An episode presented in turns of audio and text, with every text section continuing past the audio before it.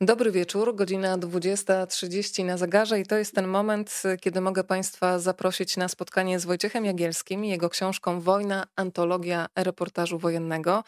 Nie ukrywam, że bardzo się cieszę na to spotkanie, panie Wojciechu, bo zawsze, ilekroć e, rozmawiamy, to są to takie rozmowy, które we mnie potem pracują miesiącami. Ja cenię pana za doświadczenie dziennikarskie, ale też za pokorę wobec tego zawodu. Może to też wynika z tego umiłowania do depeszy, bo w książce pan pisze między innymi o tym, że depesza chroni przed gwiazdorstwem i chroni przed narcyzmem, ale ten temat też na pewno będziemy mieli szansę dzisiaj rozwinąć. Zacznę po prostu od kulturalnego dobry wieczór. Dobry wieczór. Panie Wojciechu, powiedzmy, gdzie jesteśmy razem z Panem, bo dzisiaj Państwo będą się meldować z różnych miejsc Polski i świata, e, ale emocjonalnie na pewno wszyscy będziemy podczas tego spotkania blisko. Gdzie gościmy u Pana? E, ja mieszkam na Mazurach, niedaleko Rucianego Nidy, e, nad Jeziorem Nickim. Dziele to jest jedno z moich dwóch dobrych miejsc na ziemi. To jest, to jest ta wieś, w której mieszkam i mam parę metrów kwadratowych e, na warszawskiej Pradze. E, rozdarty jestem, gdzie, gdzie chciałbym być. Jak jestem na Mazurach, to tęsknię za Pragą. Jak jestem na Pradze, to za Mazurami, ale widać taki już mój los. Teraz rozmawiam z panią z Mazur. Powiem tak, że książka, o której dziś będziemy rozmawiać, według mnie e, powinna być lekturą dla każdego wrażliwego i myślącego człowieka, a najbardziej życzyłabym sobie, żeby ona trafiła w ręce wszystkich rządzących świata, bo oczywiście czytamy o konfliktach zbrojnych, czytamy o wojnach, ale też te wszystkie teksty, które znalazły się w środku, pozwalają zobaczyć, co prowadzi do eskalacji, co prowadzi do wybuchu konfliktu, i to jest dla mnie najcenniejsze, bo obserwujemy nacjonalizmy, obserwujemy dyktatorów, obserwujemy, jak łatwo zmanipulować ludzi wykluczonych, którym poświęci się chwilę uwagi, a potem można ich bardzo szybko przerobić w takich y, bezmyślnych, y, ludzi, którzy wykonują po prostu nawet najbardziej okrutne e, rozkazy i to jest coś absolutnie wstrząsającego. I chciałabym, żebyśmy od tego, panie Wojciechu, zaczęli od tego, jak ważna jest e, dla nas wszystkich, a przynajmniej powinna być analiza. E, w antologii reportażu wojennego znajdziemy rozmowę pana z 2005 roku z Ryszardem Kapuścińskim. Już wtedy panowie mówili o czymś takim jak terror chwili. E, czyli skupianie się na newsach. E, te newsy cały czas e, dbają o to, żeby pojawiła się za nimi klikalność, natomiast brakuje nam chyba coraz częściej czasu na analizę. Kiedy patrzy się na te wszystkie teksty, to można zacząć łączyć kropki i być może szybciej reagować, bo historia niestety w bardzo brutalny sposób, ale cały czas się powtarza. No o tej potrzebie refleksji albo o mm, smutek z powodu braku refleksji to wyrażał e, głównie Ryszard Kapuściński. Ja pokornie słuchałem. E, wręcz e, zastanawiałem się, na ile, mm, na ile Kapuściński tak sceptycznie podchodzi do dziennikarstwa i, krytycznie je ocenia, bo on mimo że całe życie uważał się za dziennikarza, to z tego dziennikarstwa już odszedł. Myślałem sobie, że może jest to troszkę taki żal, może taka tęsknota za tym, co było i do czego nie ma powrotu. Czy, czy, czy nie jest to takie mm, e, zrzędzenie e, kogoś, kto. Kto, kto, kto ten zawód wykonywał, przestał wykonywać i narzeka na tą dzisiejszą młodzież a to była po prostu jego mądrość i doświadczenie życiowe. Miał prawo tak e, mówić i, i on miał prawo oceniać e, zawód i nas, wszystkich ten zawód wykonujących. On to mówił bardzo, bardzo dawno temu. Mówił w ogóle bardzo wiele mądrych rzeczy, które żeśmy notowali, ale mm, traktowaliśmy to jako może skalpy dziennikarskie, bo to pięknie brzmiało w wywiadach publikowanych później w gazetach, w tygodnikach, a sami nie wiem, czy nad tym poświęcaliśmy e, wystarczająco mm, uwagi, bo pamiętam po 11 września, kiedy wszyscy e, ze mną na czele byliśmy pochłonięci e, walką, tą tak zwaną wojną z terroryzmem, zagrożeniem dżihadystycznym, zamachami bombowymi, inwazją na Afganistan, na Irak. Kapuściński w rozmowie też z nami, z Gazetą Wyborczą, ostrzegał, żeby nie zapominać o innych problemach, że, że nie skupiać się całkowicie na tym jednym zagrożeniu, bo są poważniejsze. Myśmy się dziwili troszeczkę, jakie mogą być poważniejsze zagrożenia. Mówimy dwa dni, trzy dni, dwa miesiące po 11 września, on mówił o, o zmianach klimatycznych, o tym, że połowa Hiszpanii przemieniła się w pustynię, że tak wiele miejsc nie będzie się za chwilę nadawało do życia, że, że ludzie, którzy tam dziś, czyli wczoraj mieszkali, e, jutro ruszą w wędrówkę i być może zapukają do naszych wygodnych miejsc do życia, bo cała historia ludzkości to historia wędrówek mm, ludzi. E, I on to opowiadał.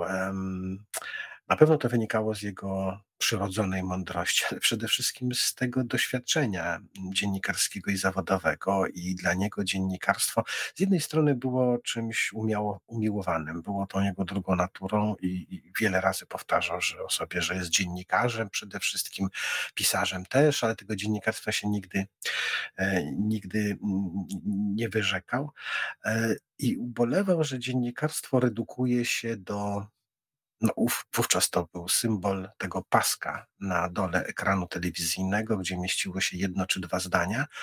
Niby informowało, tak naprawdę nic nie mówiło. Kapuściński mówił, że, że ważne jest to w dziennikarstwie, żeby opowiadać, wyjaśniać ludziom, jakie to wydarzenie, o którym opowiadamy, jakie, jakie miało znaczenie, dlaczego o tym w ogóle mówimy, e, o co chodzi w tym, czy z tego będą jakieś konsekwencje, z, czy, z czego to wynika, z czym to jest połączone, dlaczego zawracamy ludziom głowę swoimi opowieściami. No więc e, możemy zawracać głowę z powodu błahostek, z powodu własnej potrzeby zwracania na siebie uwagi, a a przede wszystkim powinniśmy opowiadać ludziom o, o, to, to jest, po to jest dziennikarstwo, żeby opowiadać ludziom, którzy dla nas, e, nam świadczą jakieś inne usługi, opowiadać o rzeczach istotnych, ważnych, które być może będą miały wpływ, nawet najmniejszy, ale mogą mieć wpływ na ich życie, na ich dobre samopoczucie, albo na złe samopoczucie, na, na, na, na przestrach, albo na na nadzieję, na to, żeby można było sobie snuć jakiś plan związany z wakacjami chociażby. I takie, takie to były z nim rozmowy. Ja wiele się nauczyłem. Nauczyłem, ale on nie był nauczycielem. Ja go podglądałem, ale to też nie było takie podglądanie wścibskie. E, po prostu po lekturach książek Kapuścińskiego e, widziałem, że można się od niego wiele nauczyć i, i to, że poza książkami miałem szczęście mieć dostęp do niego, żywego człowieka, no to jest jeden z przywilejów z takich dobrych rzeczy, które mnie w życiu spotkały. Napisał pan zresztą wprost, że gdyby nie Ryszard Kapuściński, to pewnie nie zostałby pan dziennikarzem i przywołuje pan też ten moment, jak y, kiedy ma pan 29 lat, jeżeli dobrze pamiętam, i po raz pierwszy go spotyka osobiście, wcześniej znając tylko jego teksty. To wróćmy na chwilę mm, do tego momentu na tej wirtualnej osi czasu. E, jak pan sobie wyobrażał Ryszarda Kapuścińskiego tylko na podstawie tekstów i jak to wyobrażenie e, wyglądało w zderzeniu ze spotkaniem z konkretnym, żywym człowiekiem, którego ma się przed sobą? Ja, ja go w ogóle sobie nie wyobrażałem. Nawet dziwię się, że no, będąc dziennikarzem i to nie bardzo początkującym, w dodatku mającym ze sobą jakieś epizody na studiach dziennikarskich, e, studiowałem afrykanistykę, więc dziś wydaje mi się, że powinienem Kapuścińskiego, powinienem wiedzieć, jak on wygląda. Ja go nigdy wcześniej nie widziałem. Nie występował w telewizji, e, nie uważał telewizji za jakieś medium szczególnie nobliwe, w którym powinien e, gościć, występować. Mm, także nie miałem wyobrażenia Kapuścińskiego, natomiast e, no, jakiegoś Kapuścińskiego, może nie wyobrażenie, oczekiwanie, pojęcia, nie mam jakiegoś wizji Kapuścińskiego może miałem, bo poczułem zdziwienie, może nie rozczarowanie, ale, ale no, troszkę zaskoczenie właśnie, e, kiedy go zobaczyłem, bo mm, swoją fizycznością stanowił jakby zaprzeczenie tego, tego wizerunku stereotypowego korespondenta zagranicznego. Nawet nie starał się go udawać, bo nas, tych korespondentów wojennych, e, to nawet jeżeli ktoś nie wygląda jak Leonardo DiCaprio, Robert Redford czy Brad Pitt i zdaje sobie z tego sprawę, no to przynajmniej stara się ubierać jakieś akcesoria, a to no, rozmaite są, a to papierosy, a to ciemne okulary, a to jakaś kurtka. Kapuściński nic takiego, nic takiego, nic takiego nie miał, więc e, bardzo szybko zapomniałem, że, że, że to jest ten Ryszard Kapuściński, e, korespondent wojenny i po prostu rozmawiałem z Ryszardem Kapuścińskim, e, byłym dziennikarzem, tak, za takiego go już uważałem i wielkim pisarzem, który wybierał się w podróż do istniejącego wówczas i może chwiejącego się lekko mm, Związku Radzieckiego i on mnie wypytywał o rozmaite sprawy, bo ja akurat z tego Związku Radzieckiego po trzymiesięcznej, po trzymiesięcznym pobycie e, wróciłem. Kiedy powiedziano mi, że Kapuściński zażyczył sobie ze mną rozmawiać, że chce rozmawiać o tym Związku Radzieckim, ja się strasznie poważnie do tego przygotowywałem. E, zastanawiałem się na początku tej swojej dziennikarskiej drogi, więc mm, ani doświadczenia, ani szczególnej wiedzy mm, nie miałem, zwłaszcza o Związku Radzieckim, bo to nigdy nie był mój wybór. Moskwa została mi powierzona, podarowana razem z południem Związku Radzieckiego. Ja po prostu przez Moskwę przejeżdżałem na Kaukaz i tam spędzałem jakieś dni, a przez 100 dni byłem takim stażystą na placówce korespondenckiej Polskiej Agencji Prasowej. No ale na rozmowę z Kapuścińskim starałem się przygotować, czytałem teksty moich mądrzejszych kolegów, rozmawiałem z nimi o kondycji pierestrojki, e, w którą to stronę pójdzie, czym się skończy, czy Gorbaczow się utrzyma, kto go chce obalić. No w ogóle jakieś takie fundamentalne historie Jeszcze pamiętam, że e, byłem na strajkach górniczych na Syberii, więc też mi się wydawało takie doświadczenie, o którym powinienem się absolutnie z Kapuścińskim podzielić. A on mnie wypytywał o rzeczy szalenie prozaiczne, co jest do kupienia w sklepach, czy, czy bilety na metro ile kosztują, jak trudno jest kupić na lotnisku bilet lotniczy na Kaukaz, czy do, czy do Azji Środkowej. To był człowiek szalenie uprzejmy i, i, i wszystkim zachwycał się wszystkim, co, co, co mu powiedziałem. Jakbym opowiadał jakieś nie, niezwykłe mądrości, otwierał Amerykę, ale e, nawet to, że bilet kosztował tam, nie wiem, 50 kopiejek, tego wprawiało w taki zachwyt. Ojej, jakby to była tajemnica, którą tylko ja wiedziałem i którą się z jakiegoś powodu e, z nim dzieje. Potem ktoś napisał, że, że Kapuściński tak rozmawiał, że e, ten słuchacz czy rozmówca Kapuścińskiego czuł się dużo ważniejszy niż w rzeczywistości był. No więc to było to, to, to doświadczenie, poza rozczarowaniem oczywiście początkowym, że nie zadał żadnego pytania o to, jak się, jak, w którą stronę pójdzie pierestrojka i co to będzie ze Związkiem Radzieckim Michałem Gorbaczowem. Ale skoro tak się zachwycało tym, ile kosztuje żółty ser, gdzie można kupować bilety lotnicze, no to cóż, ale myślę też, że to bardzo ważna rzecz, o której warto przypominać, że ta umiejętność słuchania to powinna być chyba jedna z ważniejszych umiejętności dziennikarza, reportera. Oj tak. Oj tak. Ten moment, kiedy się otwiera e, drugiego człowieka, można dostać prawdę, e, kiedy się buduje zaufanie. E, dzisiaj razem z nami, drodzy Państwo, człowiek, który 20 lat spędził pisząc korespondencje wojenne, ponad dwa lata tylko z samego Afganistanu, jak pan zliczy to wszystko razem, tak przynajmniej wynika z lektury książki. Zanim się skupię na konkretnych konkretnych nazwiskach, bo myślę, że każdy z nas będzie filtrował tę opowieść przez siebie i inne reportaże e, zostaną w każdym z czytelników tak najmocniej, to chciałabym, żebyśmy zrobili krótkie wprowadzenie, jakich autorów można spotkać w środku. Jest Ernest Hemingway, jest George Orwell, jest Winston Churchill, jest Erwin Egon Kish, e, Ernie Pyle, o którym bym chciała dzisiaj na pewno trochę porozmawiać. Ale to nie wszystko, bo dla mnie, za co chciałam panu podziękować, szalenie istotne są te wprowadzenia, które pan dodaje od siebie. Z jednej strony osadzające nas w konkretnej sytuacji, dające kontekst, ale w środku są też wspomnienia z pana wyjazdów, z pana spotkań. E, czy od razu ta książka miała mieć taki kształt, że zostawia pan też e, te wprowadzenia od siebie, czy to gdzieś dojrzewało, zmieniały się wizje na, na książkę? Zmieniało się, dlatego że e, no po pierwsze pomysł książki to niestety nie był mój, tylko mojego wydawcy i, i redaktorów znaku. No dziękuję, jestem dzisiaj im wdzięczny, że mnie do tego przekonali, bo ja przekonany na początku wcale nie byłem. Bałem się tego słowa antologia, która nie czułem się powołany do zajmowania się antologią, bo nie jestem nie tylko literaturoznawcą, nie jestem reporteroznawcą, jestem reporterem. Pamiętam że to, co opowiadał Mariusz Szczygieł i Liliana Jonek o tytanicznej pracy, jaką musieli włożyć w zebranie tej antologii polskiego reportażu, a tutaj miała być antologia tak zwanego reportażu wojennego. Nie lubiłem nazwy reportaż wojenny. E, zgodziliśmy się, że będzie to mój wybór. Mm, rozmaitych tekstów e, z wojną w tytule, w tle, na pierwszym planie.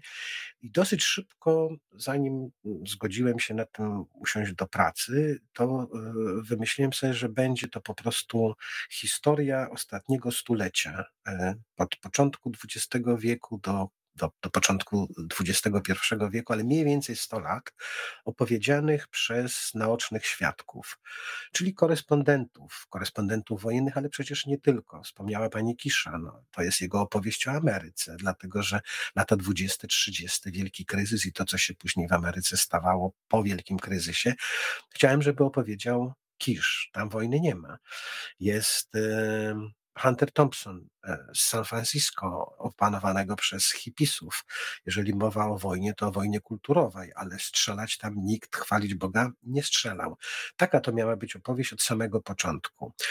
E, chciałem też, żeby temu mojemu wyborowi cudzych tekstów towarzyszyły wprowadzenia, czy, czy moje, mm, nie wiem, jakieś zdania dotyczące i wojny, dlaczego ją wybrałem, jaki ona miała wpływ na, na, na dalszy przebieg wydarzeń tego stulecia mm, i autora korespondencji. Zacząłem od wojen burskich i Churchilla, potem e, London, zdaje się, e, John Reed e, i rewolucja bolszewicka.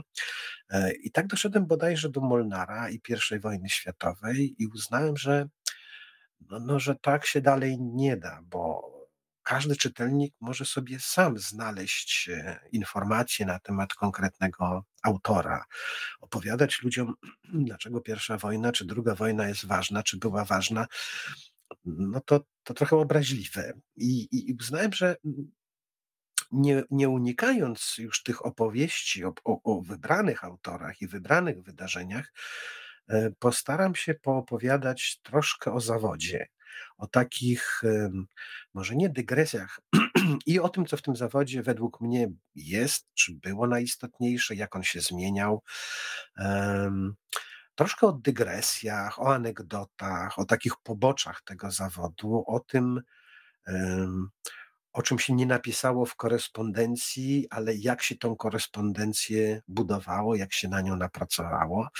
Wreszcie mm, pozwoliłem sobie już na coś szerszego i chociażby ten wywiad z Ryszardem Kapuścińskim, który nie jest ani opowieścią o wojnie, ani korespondencją, ani jakimś biogramem kolejnego autora, bo Kapuścińskim pisze też w oddzielnym e, podrozdziale czy części.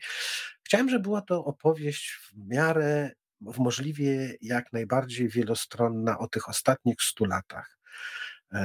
Są to wydarzenia i autorzy bardzo subiektywnie przeze mnie wybrani.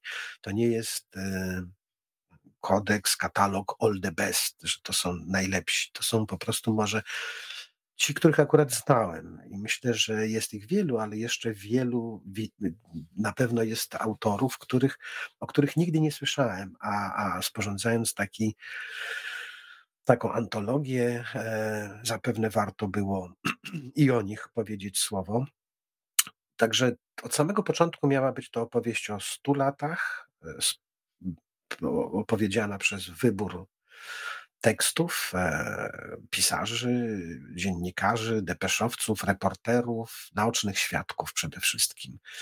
Plus te moje jakieś tam opowieści, które e, musiały się w jakiś sposób wiązać z dziennikarstwem, z tym, z tym, z tym zawodem korespondenta, niech będzie korespondenta wojennego, no i z tymi dziejami, które my jako dziennikarze, no jako pierwsi e, zabieramy się za opisywanie, to zwykle są brudnopisy i tak, takie bardzo brudne brudnopisy z notatkami, których nazajutrz nie sposób nawet temu, który je sporządza, e, odczytać.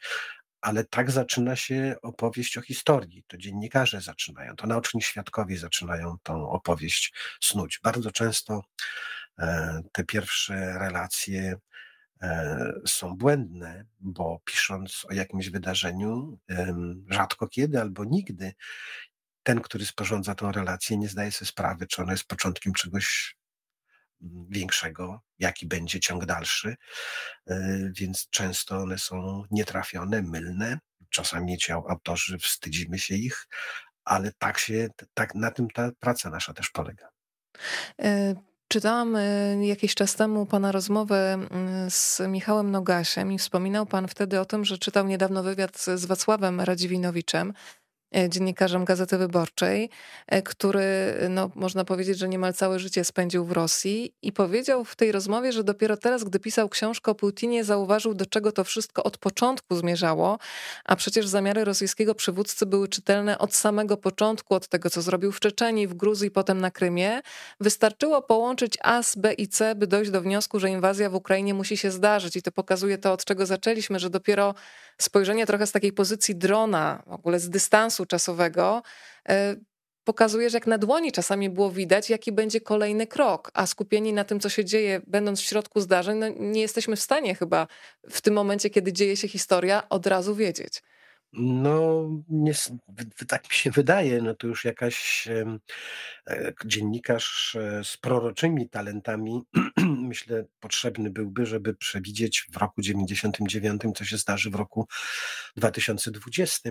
E, zwykle tak, tak mądrzy są ludzie dopiero po fakcie.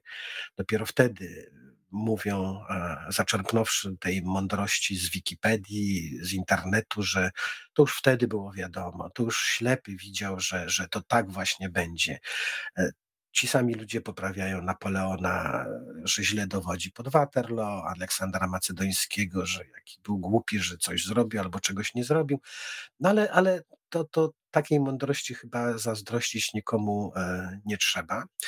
E, a rzeczywiście z Radziwinowiczem w tym samym czasie przyglądaliśmy się intronizacji Władimira Putina i raczej podzielaliśmy głosy tych szyderców, którzy się wyśmiewali, że taki niski, taki brzydki, tak bardzo przypominał jedną z postaci z Harry'ego Pottera, gdzie mu tam do wielkiej postaci Borysa Jelcyna, czy jakichś generałów, e, taki niepozorny, taki się wydawał e, taka postać przejściowa. Żartowano z niego, że jakby go postawiono pod murem egzekucyjnym, to by zlał się z murem i by przeżył tą egzekucję. Taki człowiek bez żadnych właściwości, a okazało się nie po raz pierwszy, że tacy ludzie kompletnie niedoceniani wypływają na wielkie wody, osiągają jakieś wielkie szczyty, przeradzają się też w, w tyranów, krwawych satrapów.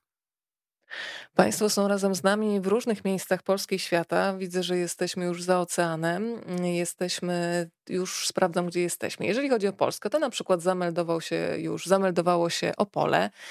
Zameldował się Wiedeń, zameldował się Wałbrzych, Fuerteventura, Oświęcim, Olsztyn, e, Knurów koło Gliwic, Warszawa Kabatej. Cały czas Państwo się tutaj rejestrują z różnych miejsc Polski i świata. Widzę, że Luksemburg w postaci Sylwii Ziętek, z którą niedawno rozmawiałyśmy o kobietach, artystkach również na pokładzie. To skoro kobiety, e, to ja bym bardzo chciała Panie Wojciechu, żebyśmy trochę porozmawiały o kobietach korespondentkach wojennych. E, w weekend czytałam Wysokie Obcasy i to był wywiad z Clarissą Ward, korespondentką CNN, a dzięki Pana książce możemy poczytać o tych kobietach, które e, znacznie wcześniej od pani Clarissy pracowały w tym zawodzie. I zacznijmy od kobiety długowiecznej, która dożyła 105 lat życia i jako jedna z pierwszych osób poinformowała o e, wybuchu II wojny światowej. Dla mnie zaskoczeniem było to, że tak naprawdę to była kobieta, która dopiero debiutowała w zawodzie dziennikarza. E, powiedzmy trochę, Claire Hollingworth, bo to o niej mówię. Mm, proszę o rozwinięcie tej historii. Oczywiście ciąg dalszy Państwo znajdą w książce, ale takie najważniejsze e, fakty na jej temat, e, bo można powiedzieć, że z jednej strony Polska, to, to tak, ale potem też były przecież lata 60. i afera szpiegowska w Wielkiej Brytanii. Była też obecna w Pekinie no taki charakter, powiedziałabym, bardzo waleczny e, i przede wszystkim taka długowieczność to raz 105 lat, ale też, że nawet po 80 ona była gotowa dalej ruszać i pracować jako korespondentka. Claire Hollingworth jest jakby dowodem na to, że dziennikarzem się jest, a nie, że ten zawód się tylko wykonuje do emerytury czy przez jakiś czas. Są ludzie, którzy ten zawód wykonują, po czym się z nim rozstają, a są tacy, którzy mm, dziennikarzami może nie, że rodzą się, ale stają się dziennikarzami w momencie kontaktu z tym zawodem. Tacy ludzie z dziennikarstwem się potrafi, nie potrafią rozstać. Przymuszeni do emerytury często umierają po prostu, bo inaczej żyć nie potrafią. Tak umarł mój pierwszy szef w dziennikarstwie, pan Michał Czarnecki, szef działu zagranicznego, który czuł się dobrze i był w znakomitej kondycji, póki pracował po przejściu na emeryturę. Jakby nie mógł już być dziennikarzem, więc po prostu pożegnał się z nami wszystkimi odszedł. Claire Hallingworth jest także przykładem tego, że jednym z talentów w dziennikarstwie bardzo potrzebnych, które ułatwiają życie, albo bez którego ciężko w tym dziennikarstwie funkcjonować, jest spostrzegawczość i to, o czym pani mówiła na początku naszej rozmowy, to łączenie kropek w linię, w jakiś ciąg. Ona nie była doświadczoną dziennikarką, była w zasadzie stażystką. Wysłano ją, pewnie bardzo domagała się wysłania do Polski, a w Pol z Polską miała kontakt, dlatego w Polsce się znalazła, bo pomagała ofiarom e, najazdu hitlerowskiego na, na, na Czechosłowację. I Daily Telegraph wysłał ją jako stażystkę, no, połowa sierpnia czy sierpień 1939 roku. Wyobrażam sobie, że jest to czas, gdzie w tych największych redakcjach w Londynie, w Paryżu um, wysyła się dodatkowych dziennikarzy, tak jakby się dzisiaj wysyłało dodatkowych dziennikarzy, którzy mają wspierać pracę naszych korespondentów w krajach, gdzie spodziewamy się, że dojdzie do konfliktu zbrojnego. W Polsce ten, czy konflikt między Polską i Niemcami nabrzmiewał. Raczej się go spodziewano, niż uważano, że nigdy do niego nie dojdzie. I tak e, Claire Hollingworth została posłana do, do Polski jako dziewczyna, która już miała z Polską coś do czynienia, orientowała się w sytuacji, nie będzie na pewno bo jest zbyt młoda, zbyt niedoświadczona, żeby wchodzić w drogę, w paradę głównemu korespondentowi w Warszawie. Jej nie o to chodziło, pojechała tam, gdzie jeździła wcześniej, czyli na południe, wylądowała w Katowicach. Pewnie o to miejsce prosiła, bo, bo z wcześniejszych pobytów znała brytyjskich dyplomatów. Mm, a spostrzegawczość pomogła jej, no proza życia, jak to bardzo często te sytuacje zdarzają się w naszej dziennikarskiej codzienności. Wybrała się na niemiecką stronę mm, po to, żeby kupić alkohol. Zresztą nigdy nie ukrywała, że ten alkohol był jej potrzebniejszy niż jajka na twardo na śniadanie i często zastępowała te jajka czy, czy, czy, czy grzanki piwem. E, to zły przykład. I ta długowieczność e, i jej sposób e, prowadzenia się w czasie tak długiego życia, jakby kompletnie ze sobą nie grają i nie należy o tym opowiadać małym dzieciom, zwłaszcza. No w każdym razie postanowiła wybrać się na niemiecką stronę, bo w Polsce nie było czegoś, czego spodziewała się znaleźć po niemieckiej stronie. Od tak granicy, zwłaszcza na parę dni przed wojną, przekroczyć nie mogła, więc wyprosiła w konsulacie brytyjskim samochód dyplomatyczny na dyplomatycznych numerach z brytyjską flagą. Taki samochód został przepuszczony w jedną stronę, dokonała tam tych zakupów. E, żałuję, że nie znalazłem, co takiego znalazła w Niemczech, czego w polskich sklepach nie sprzedawano, to był alkohol. I w powrotnej drodze zauważyła, że przy granicy z Polską zgromadzone są no, tysiące, cała armia pancerna stoi, zamaskowana, ale tak chyba nie do końca, żeby nikt nie wiedział. Spodziewali się Niemcy, no może wiedzieli, że i tak będą tą wojnę zaczynać, więc mm, nie robili z tego aż tak wielkiej tajemnicy po tej niemieckiej stronie, troszkę taka, taka, taka zasłona dymna, bardzo może nie dymna, ale ta zasłona e, przezroczysta. W każdym razie ona zauważyła, że za tymi plandekami maskującymi i tak dalej jest masa czołgów. Wróciła do Katowic i uznała, że no, że jest to e, jakby pierwsza zapowiedź wojny, która, która musi wybuchnąć, że tego wojska jest tak wiele i są to tego rodzaju wojska, że one nie znalazły się tam, żeby strzec granicy przed polską napaścią, tylko żeby najechać na Polskę. I rzeczywiście była jedną z pierwszych, która, która o tym wybuchu wojny poinformowała e, przekazała do Londynu. Nie wierzono zresztą jej e, w te, w te wieści, bo to, to, to, to się tak jest w redakcjach bardzo często, że redakcje bardzo ostrożnie podchodzą do takich rewelacji i, i często gubią te, te naj, najwspanialsze e, skalpy dziennikarskie zdobywane gdzieś przez korespondentów właśnie na wyłączność, bo on jest tym jedynym, który się dowiedział, przekazał, ale nikt inny o tym nie mówi. No więc jak to potwierdzić? Czy rzeczywiście postawić wszystko na tego korespondenta? E, wiem, bo mi się zdarzyło też być jedynym korespondentem, który przekazywał kiedyś wiadomość o wojnie, która miała wybuchnąć, nie tak ważnej, ale wybrałem się kiedyś latem w 1992 roku do Gruzji myśląc raczej o wakacjach niż o poważnym dziennikarstwie. Wszyscy mi mówili, że tą Gruzję przez te wojny, rewolucje to ja gubię. Siedzę w tym Tbilisi, biegam po jednej ulicy, Aleje Rustawelega. Gruzja jest taka piękna. No to sobie pomyślałem, pojadę do tej Gruzji latem, zobaczę jaka ona jest piękna.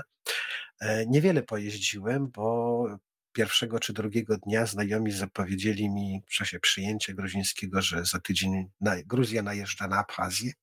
Był to środek wakacji i, i latem dziennikarze wyjeżdżali z Tbilisi, już się nie spodziewali niczego niezwykłego i tak się złożyło, że rzeczywiście byłem w Tbilisi chyba jedynym zagranicznym dziennikarzem i zaprowadzono mnie na posiedzenie Rady Państwa, której przewodniczył Edward Szewardnadze, gdzie podjęto taką decyzję. Ja po gruzińsku nie rozumiałem, ale tak mi przetłumaczono, że właśnie podjęto decyzję, że gruzińskie wojska zostaną wprowadzone do Abchazji. Więc ja tę informację przekazałem, no ale nikt inny o tym nie informował. Nie było jej na Reutersie, nie było w Associated Press, także nazajutrz ta depesza poszła, jak już była też na Reutersie i w Associated Press.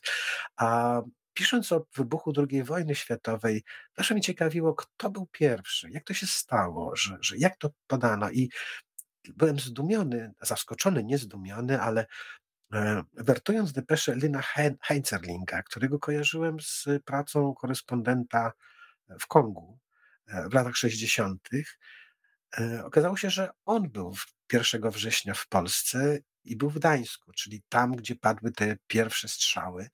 I opowieść o tych jego dniach, dwóch czy trzech przed wybuchem wojny i nocy, kiedy no, już nabierał absolutnego przekonania, że, że ta wojna wybuchła właśnie, nawet jeszcze zanim usłyszał strzały z pancernika Schleswig-Holstein, e, to była dla mnie też taka mm, no przyjemność, może złe słowo, no tak, ale coś ekscytującego e, w tej, w tej pracy. Zresztą nie wiem, czy nie bardziej dramatyczną historią od tych e, pierwszych, którzy ogłosili, że druga wojna wybuchła, jest to powieść o tym, o dziennikarzu, który jako pierwszy przekazał światu, że wojna się skończyła, bo jest to opowieść bardzo smutna, bo ten dziennikarz został wykluczony z zawodu dziennikarskiego i przeklęty przez dziennikarską brać e, jako, jako zdrajca, jako ktoś, kto złamał kanon zachowań, wyszedł przed szereg.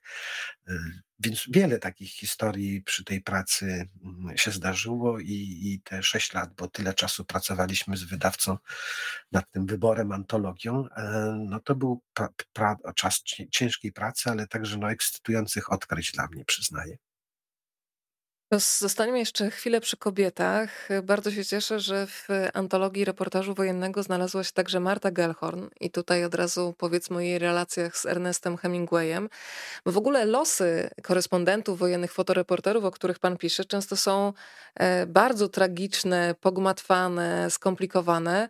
To najpierw wyjdźmy od e, tej relacji, bo można chyba powiedzieć, i nawet chyba takie zdanie pada w antologii, że w zasadzie no, po bolesnym rozstaniu z Ernestem Hemingwayem, Marta y, Gellhorn no, zaczęła budować taką swoją prawdziwą karierę dziennikarską i ona się nie bała wchodzić w sam środek zdarzeń. Były takie momenty, gdzie ona się przebierała za sanitariuszkę, żeby naprawdę czuć to, o czym pisze, a nie e, pisać relacje na przykład z hotelu, bo i takie sytuacje przecież się wśród różnych korespondentów zdarzają.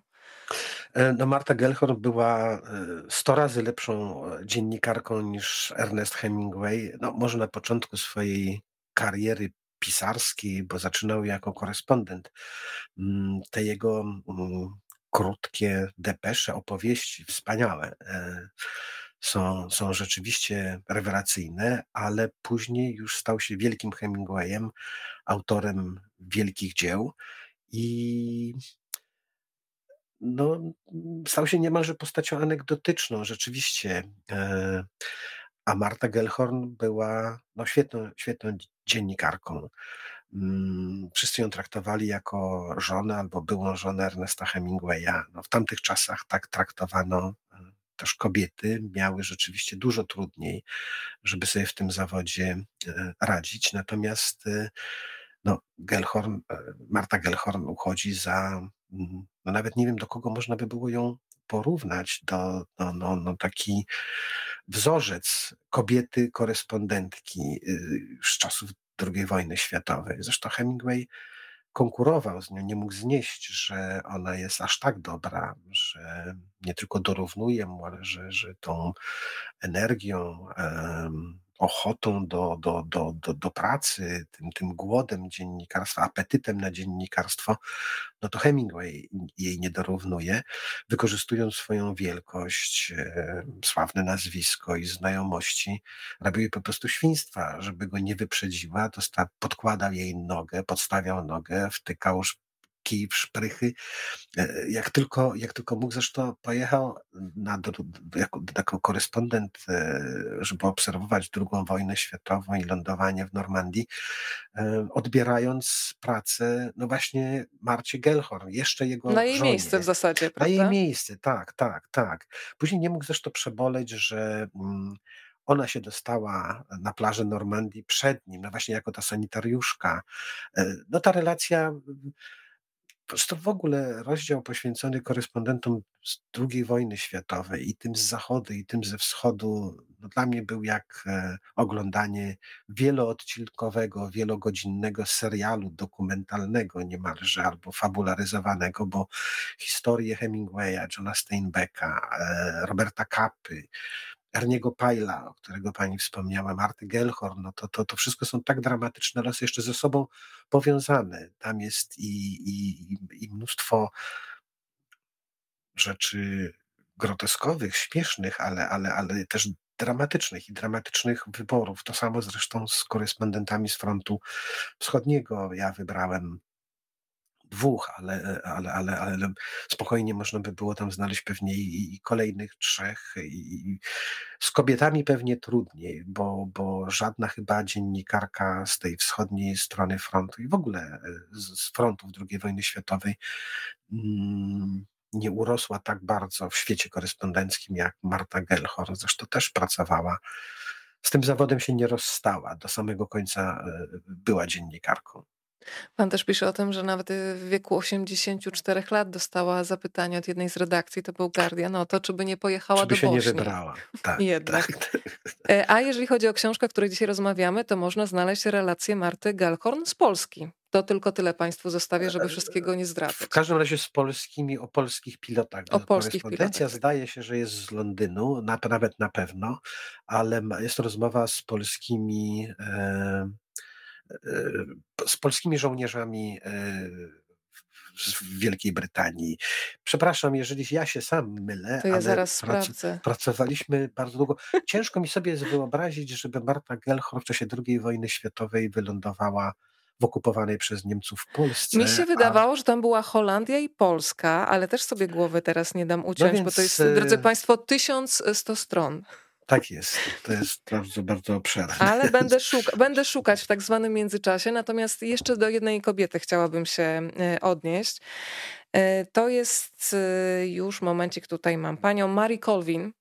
Też bardzo ciekawa historia związana z, z tą dziennikarką. Teraz, panie Wojciechu, ja się będę na panu opierać. To jest ta dziennikarka, która zginęła w Syrii bodajże w wieku 56 lat. Ona wcześniej na Sri Lance chyba straciła oko. Straciła oko tak. E, a w tej książce dzięki niej mamy dostęp do szalenie ciekawych informacji e, dotyczących tego, jak wyglądały spotkania z Kaddafim i jaką obsesję miał Kaddafi na temat bezpieczeństwa.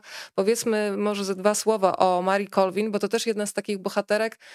Bardzo też się cieszę, że pamięć po niej myślę, że pozostała, ponieważ wiem, że po jej śmierci założono też fundację, która wspiera organizacje charytatywne które ona wspierała za życia. E, ale to spotkanie z, z Kaddafim też pokazuje, że czasami przypadek w pewnym sensie chyba decyduje o tym, e, że ktoś tak jak Kaddafi mówi: Ty, z tobą będę rozmawiać. No, myślę, że to nie był przypadek, że akurat wybrał Ma Mary e, Colvin. Colvin. ona wyróżniała się nie tylko opaską na oku, e, była kobietą wysoką, wyższą, myślę, niż e, statystyczna korespondentka, który i i i była taką bardzo silną osobowością. Jeżeli miałbym wskazywać wśród dziennikarzy, których sam osobiście spotkałem, postacie charyzmatyczne, to z całą pewnością ona ona ona była miała w sobie, e, wiele charyzmy. Była osobą kontrowersyjną. Wielu moich kolegów z Wielkiej Brytanii, dziennikarzy, em, na wspinaczkę w wysokie góry by z całą pewnością z nią się nie wybrali. E, w każdym razie ci, którzy mi o nim wspominali, była osobą bezwzględnie podchodzącą do zawodu, do siebie, maksymalistką i i i pewnie tylko dlatego w tym zawodzie tyle osiągnęła i zapłaciła ogromną cenę, bo najpierw, e, raną odniesioną, e, w Sri Lance rzeczywiście straciła oko, mm, i później, no, była takim jej twarz, e, postać bardzo charakterystyczna. Ja już nawet nie pamiętam, czy spotkałem ją już z tą opaską na oku, czy jeszcze wcześniej. W każdym razie z tą opaską ją pamiętałem. Tak, e, bardzo często o, o coś zabiega, zabiegają dziesiątki, a dopuszczany jest jeden i w zasadzie nikt nie wie dlaczego. To jest taka troszkę właśnie przywilej tego dyktatora, który sobie wybiera, z kim będzie rozmawiał, a kogo nie chce. Mm, wybrał Kaddafi Mary Colvin, na pewno o niej słyszał, myślę, że ją cenił, e, imponowało mu to, że ona jest dziennikarką sławną na cały świat. Mm, sława jemu imponowała i, i, myślę, że gdyby był dziennikarzem, to by o nią zabiegał. Jakikolwiek zawód by wykonywał, to, to, to, to z całą pewnością byłby, on był politykiem, celebrytą. E, był dziwakiem, ale z tego dziwactwa zrobił sobie też swoją własną wizytówkę. I ale wiedział też, że ona jest dziennikarką wpływową. Bardzo ubolewałem, chociaż reprezentowałem nielichą gazetę, bo gazetę wyborczą, ale nigdy nie byłem atrakcyjnym rozmówcą dla nikogo, poza Europą, poza wschodem.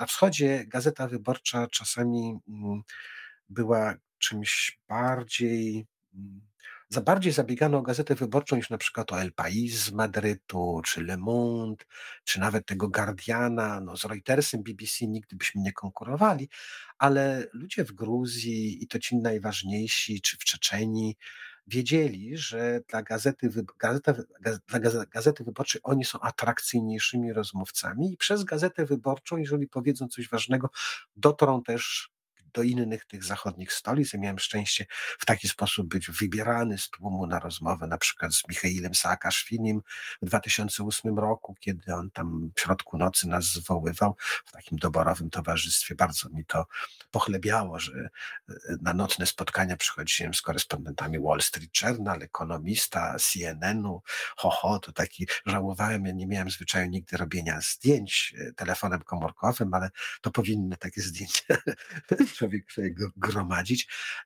W Czeczeni e, Asman Maschadow mnie zapraszał na, na, na, na, na wywiad, żebym przyjechał do niego w góry. Miał być to pierwszy wywiad, kiedy e, poddali Czeczeni Grozny. Wiedział, że Czeczenia dla, dla innych dziennikarzy, dla innych redakcji nie jest tak ważna. I Kaddafi zapraszał Mary Colvin też dlatego, żeby przekazała w świat to, co on miałby do powiedzenia. Zastanawiam się, czy, czy dzisiaj mm, wszyscy dziennikarze mamy e, konkurenta, z którym byśmy nigdy, przenigdy nie wygrali, mianowicie internet. I to, co kiedyś taki Kaddafi mógł powiedzieć Wojciechowi Jagielskiemu, Mary Colvin, czy, czy jakiemuś innemu dziennikarzowi, ten dziennikarz był mu potrzebny, to dzisiaj do niczego już by nie jest potrzebny, bo może prowadzić swoje konto na Facebooku, Twitterze czy czymś tam. Jestem ignorantem, bo nie mam żadnego konta e, na tych portalach, ale Kaddafi na pewno miałby najlepszych specjalistów, którzy by mu to prowadzili i sam by po prostu komunikował światu, co mu wczoraj przyszło do głowy i co będzie zamierzał w następnym tygodniu, kogo potępia, kogo chwali, a wtedy potrzebował właśnie dziennikarza, najlepiej kogoś tak wpływowego i znanego jak Mary Colvin, przy okazji kobietę. Bardzo zazdrościłem koleżankom, dziennikarkom, Zwykle to one były wybierane do takich ekskluzywnych wywiadów, bo taki partyzancki komendant czy, czy przywódca jakiejś rewolucji mm, lubił się zawsze po, troszkę popisać i, i, wolał popisywać się przed e, dziewczyną, najlepiej atrakcyjną ze swojego punktu widzenia, bo to zawsze jest patriarchat. Te rewolucje, rebelie, wojny to, to, to jest świat bardzo patriarchalny.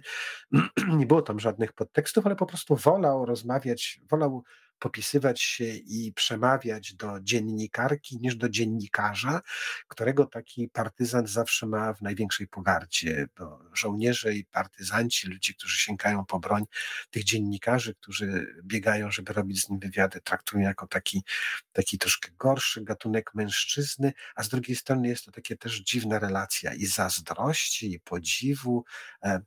My, dziennikarze, mamy mniej więcej to samo, że rozmawiamy z żołnierzami, żałując w duchu, że sami nie jesteśmy tak dzielni i nam nie wolno tego karabinu trzymać.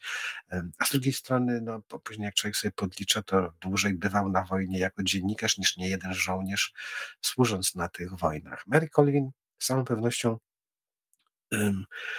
ze współczesnych dziennikarzy, dziennikarek e, zapisała się w tych dziejach dziennikarskich bardzo wyraziście jako postać absolutnie wybitna, e, niezwykle odważna, straceńczo odważna. Ona jako jedna z nielicznych e, pojechała do Homs, dotarła tam, siedziała w tym bombardowanym przez przez wojsko syryjskie mieście i jako jedyna nadawała relacje z miasta, które zaprzeczały kłamstwom syryjskich władz. Dlatego zginęła, bo Syryjczycy, władze syryjskie z Damaszku nie mogły dopuścić, nie mogły znieść, że ich komunikaty są ośmieszane wieczorem przez relacje Mary Colvin na żywo, telefoniczne relacje e, z Syrii. Była świadkiem tak niewygodnym, tak nienawistnym, że, że, że to władze syryjskie pokierowały ogniem artyleryjskim tak, żeby zginęła Mary Colvin, a przy okazji ci, którzy z nią byli, a zginął z nią jeszcze fotoreporter. Tak, który miał, z tego co pamiętam, WordPress Photo, e, francuski e, fotoreporter.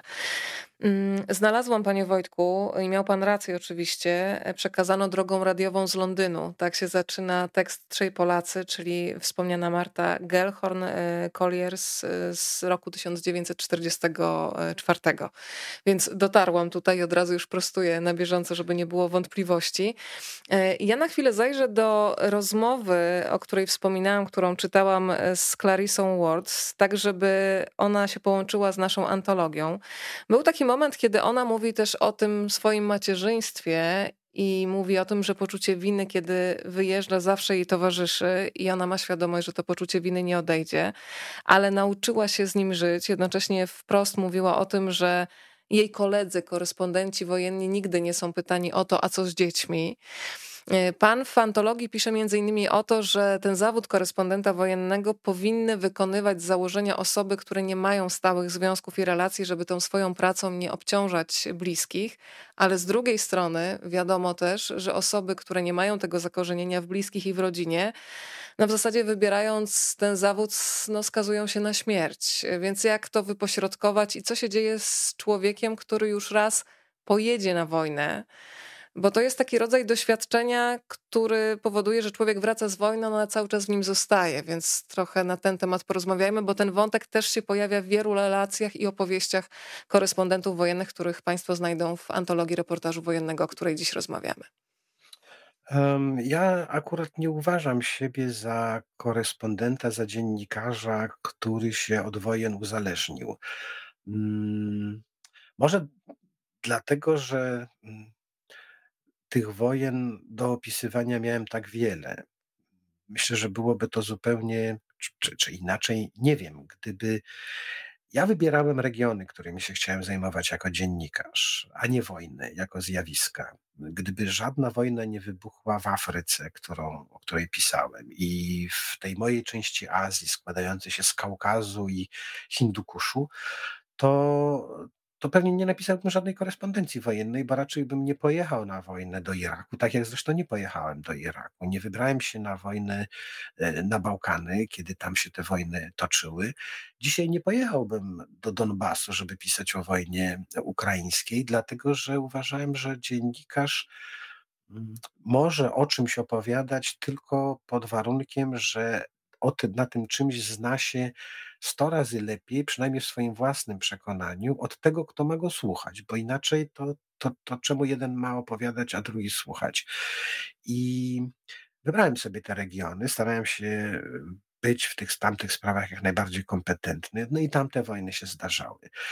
Gdybym pisał o Japonii i w Japonii by się zdarzyła jedna wojna, pojechałbym na tą wojnę i wrócił i już żadnej wojny by w Japonii nigdy więcej miało nie być, to wtedy dopiero mógł powiedzieć, czy ja za tą wojną tęskniłem, czy nie tęskniłem. Ja tych wojen miałem nadmiar.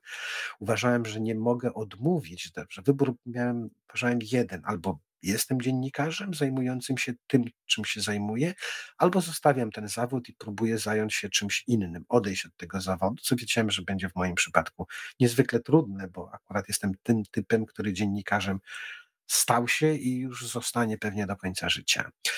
Więc y, za wojnami nie tęskniłem, bo wiedziałem, że, że będę miał ich bez liku. Ale dzisiaj, mając 64 lata, jeżeli tęsknię za czymś z zawodu dziennikarskiego, to jest to możliwość, ta niezwykła możliwość bycia naocznym świadkiem czegoś najważniejszego na świecie, ale to nie muszą być wcale wojny. To może być inauguracja prezydenta, to może być obalenie muru berlińskiego.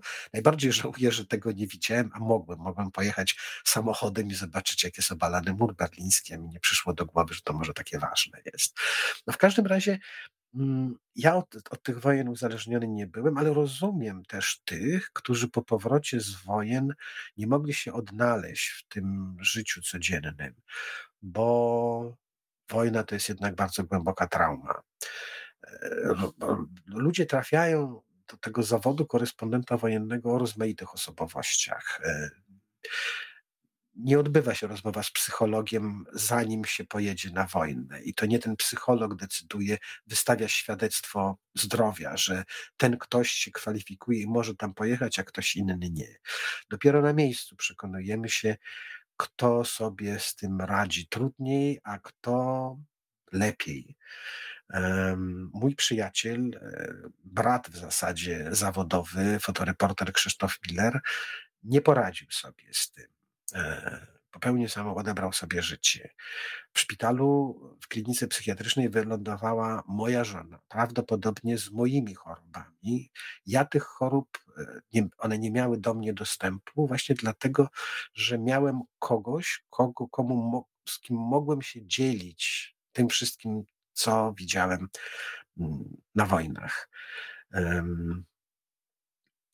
I no, ja nie, robiłem to z pełną e, świadomością. Świadomością nie tego, że zrzucam balast na kogoś niewinnego, tylko uważałem, że jeżeli ja opowiem o tym wszystkim, co się ze mną działo tam, w tej sytuacji wojennej, to oszczędzę strachu osobie najbliższej. No nie opowiadałem synom, bo byli małymi dziećmi wtedy, ale żonie opowiadałem absolutnie wszystko, będąc przekonanym i ona też tak uważała, że to strach ma wielkie oczy. Im więcej się wie, tym mniej się człowiek po, powinien bać, albo boi się czegoś realnego, a nie jakichś wydumanych e, strachów.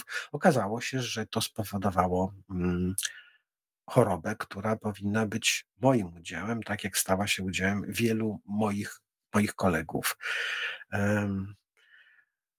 Ta odpowiedzialność za najbliższych, no, mówi prawdę jak najbardziej Clarissa Ward, tylko co z tym sobie zrobić? Bo z jednej strony uważam, że jako osoba samotna z wyboru, jeżeli bym uznał, że nie będę, nie mam prawa obciążać nikogo tym wszystkim strasznym, nie tym, co się dzieje na wojnie, tylko tym strachem, tą obawą, że ktoś będzie się bał, że ja z tej wojny nie wrócę, bo przecież giną nie tylko żołnierze, cywile, giną też dziennikarze, nie tak licznie, ale jednak.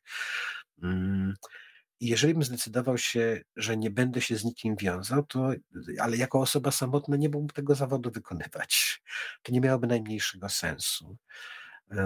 A z drugiej strony, no, tylko osoby samotne powinny wykonywać ten zawód korespondenta wojennego, bo one odpowiadają tylko i wyłącznie za siebie, nikogo więcej nie obciążają. Nie czynią z dzieci sierot i z żon wdów. E, ale nawet ci koledzy, Mary Colvin, nie wyszła za mąż, nie miała dzieci, ale przecież nie była osobą samotną. Kiedy zginęła, to kogoś osierociła. Partnera, rodziców, to też przecież jest odpowiedzialność, tak. prawda? Nikt nas nie zmusza do takich wyjazdów i sami sądzę, że ogromna większość z nas, tych korespondentów wojennych, nie wybiera tego z potrzeby mm, nie wiem, adrenaliny, przygody, mocnych wrażeń. Wydaje mi się, że większość y, trafia tam tak, jak trafiłem ja. Zacząłem zajmować się dziennikarstwem. To stało się moją pasją, a w każdym razie czymś, co uważałem za bardzo ważne. Zacząłem pisać o Gruzji, Armenii, Azerbejdżanie. Pojawiła się wiadomość, że w Gruzji wybuchła wojna. Czy ja, jako dziennikarz, mogłem na tą wojnę nie pojechać? Mogłem przestać być dziennikarzem. To był prosty wybór. Dziennikarz, który mówi, że nie, nie pojadę pisać o wojnie, mogę pojechać pisać o wyborach, ale nie pojadę pisać o wojnie. Hmm, nie może być chyba dziennikarzem, bo ta wojna jest rzeczą najważniejszą, najstraszniejszą, jaka może się zdarzyć.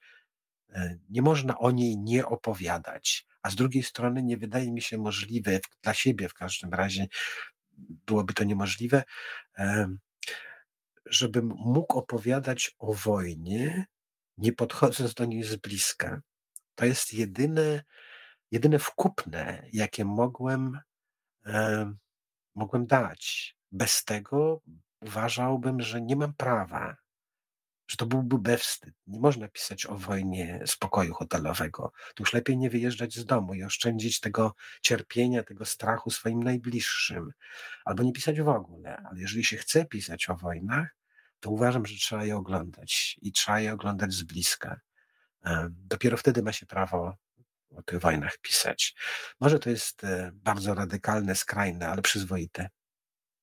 Pan e, wyjeżdżając e, w tereny konfliktów e, wojennych wyruszał najczęściej z fotoreporterami, tym samym był pan zawsze blisko. I wspomniany Krzysztof Miller to jest ta osoba, której dedykuje pan antologię reportażu wojennego, więc na chwilę zatrzymam się przy fotoreporterach. Pan między innymi pisze o takim bractwie Piw-Paw. Wśród tego bractwa znaleźli się między innymi João Silva czy Kevin Carter. I znowu mamy takie no, bardzo dramatyczne życiorysy, kiedy myślę o Carterze. Z jednej strony nagrody Pulitzera, z drugiej strony no, ten moment, kiedy człowiek też nie wytrzymuje i odbiera sobie życie. E, I może jeszcze mm, powiedzmy dwa słowa o Carterze. Myślę, że Państwo kojarzą doskonale to zdjęcie dziecka i sępa. Ja poproszę Panie Wojciechu o rozwinięcie tej historii, bo to też jest e, taka opowieść o tym, czy zdjęcie zmienia świat, co dziennikarz może zrobić w danej sytuacji i z jakim ciężarem ci ludzie zostają i z jakim ciężarem często sobie potem już nie radzą. Nie wiem, czy dzisiaj wszyscy pamiętają to zdjęcie, które było sławne, no ale w tych czasach, kiedy ja ten zawód wykonywałem, kiedy ja miałem po 30 parę lat, rzeczywiście w latach 90. po jednej z klęsk głodu w Sudanie pojawiło się na pierwszych stronach w zasadzie wszystkich gazet świata zdjęcie e, przedstawiające małe dziecko.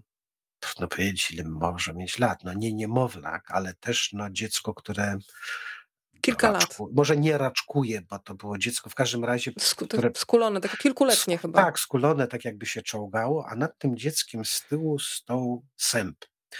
No była to scena absolutnie przejmująca, opowiadająca o, o, o nieszczęściu skrajnym, o, o zagrożeniu śmiercią.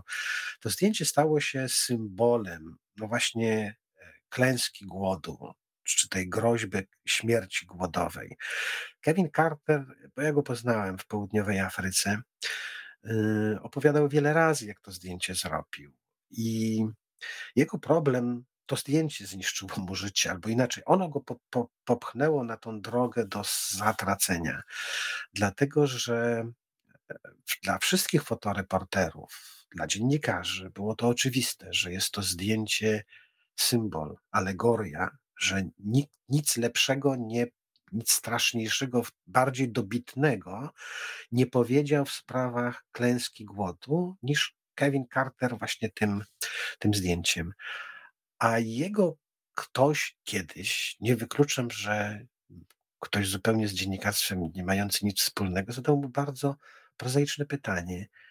I ty zrobiłeś to zdjęcie, i co zrobiłeś dalej z tym dzieckiem? On był zdumiony, no bo nic nie zrobił. Fotoreporter robi zdjęcie i pracuje dalej. E, potem zaczął opowiadać jakby sam sobie tą historię odtwarzać, że to dziecko przecież się nie przyczołgało w to miejsce. E, matka musiała je przynieść, bo był to punkt, gdzie rozdzielano pomoc żywnościową. Więc matka zostawiła to dziecko w trawie po to, żeby ustawić się w kolejce po jakiś worek e, z ryżem, z mąką, czymkolwiek. Więc to dziecko nie było zagrożone. Ten sęp przecież nie rzuciłby się na dziecko i nie zabił. Przypadkiem znalazł się w tym momencie. No ale jedno to mówić, a drugie człowiek widzi zdjęcie. Sęp stoi nad dzieckiem. Fotografa zrobił zdjęcie i nawet go nie przepędził, tego ptaka.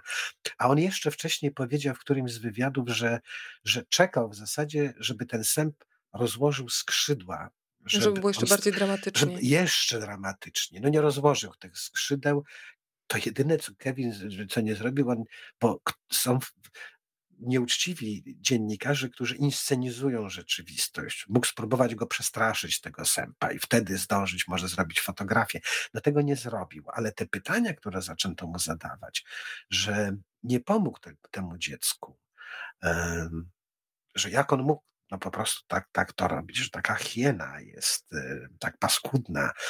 E, to zaczęło go bardzo, bardzo boleć, te pytania. Sam zaczął się zastanawiać, no, czy, czy tak powinno być, czy, czy, czy powinien się tak zachowywać, co powinien zrobić. Mm, był człowiekiem niezwykle wrażliwym, Kevin Carter, i takim kruchym, e, więc zrozumiałe, że, że, że bardzo to przeżywał. Po drugie, dostał za to zdjęcie największą, najważniejszą nagrodę. Już nie pamiętam, czy to było WordPress Photo, czy to był Pulitzer. W każdym razie no, mhm. wielka nagroda.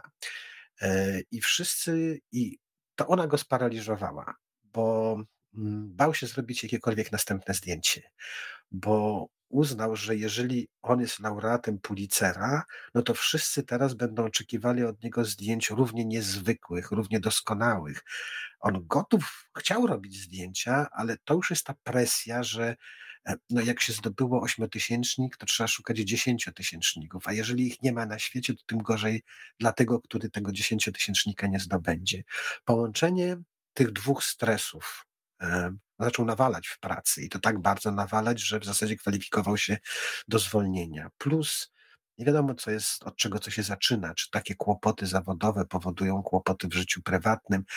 No w każdym razie to nastąpił cały splot tego rodzaju e, bardzo złych, niepokojących wydarzeń w jego życiu, że skończyło się to samobójstwem, podobnie jak w przypadku Krzysztofa Millera, bo przecież to nie jedne wojny i, i, i pamięć, czy, czy, czy te wspomnienia, które go prześladowały, e, doprowadziły go do, na ten skraj przepaści, tylko też e, no, wszystko, co się złożyło na, na, na, takie życie, ale, ale rzeczywiście ta czwórka fotoreporterów e, z południowej Afryki, którzy założyli taki klub, takie bractwo e, robiące fotografie o starciach, ulicznych wojnach e, w południowej Afryce, które poprzedziły historyczne wybory, które zakończyły epokę apartheidu.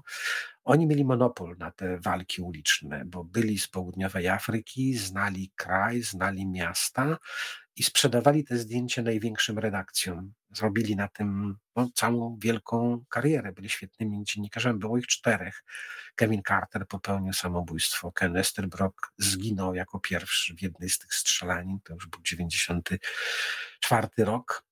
Eee, Joao Silva po latach e, wszedł na minę w Afganistanie, stracił połowę ciała. To, że przeżył to cud, to, że dziś pracuje dalej wykonuje ten zawód, to jest jeszcze jeden cud.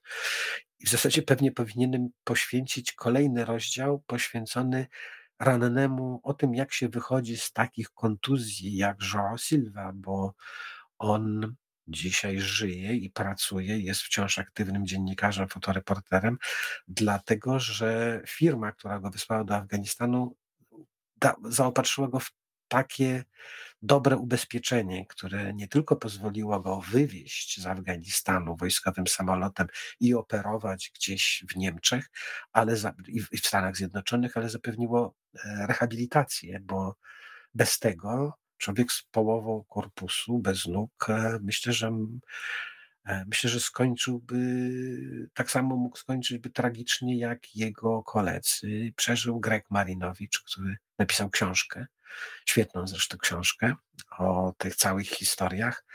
Przeżył Grek, e, który tyle razy został ranny, że żartowano w południowej Afryce, że jeżeli gdzie, jechać gdzieś, gdzie ma się coś dziać, to obowiązkowo z Gregiem, bo zawsze się strzela tam, gdzie jest Grek i nikt nie jest ranny, tylko Grek, więc po prostu 200% sukcesu i Grek jako jedyny wyszedł z tego, wyszedł z tego cało i też jest wciąż dziennikarzem.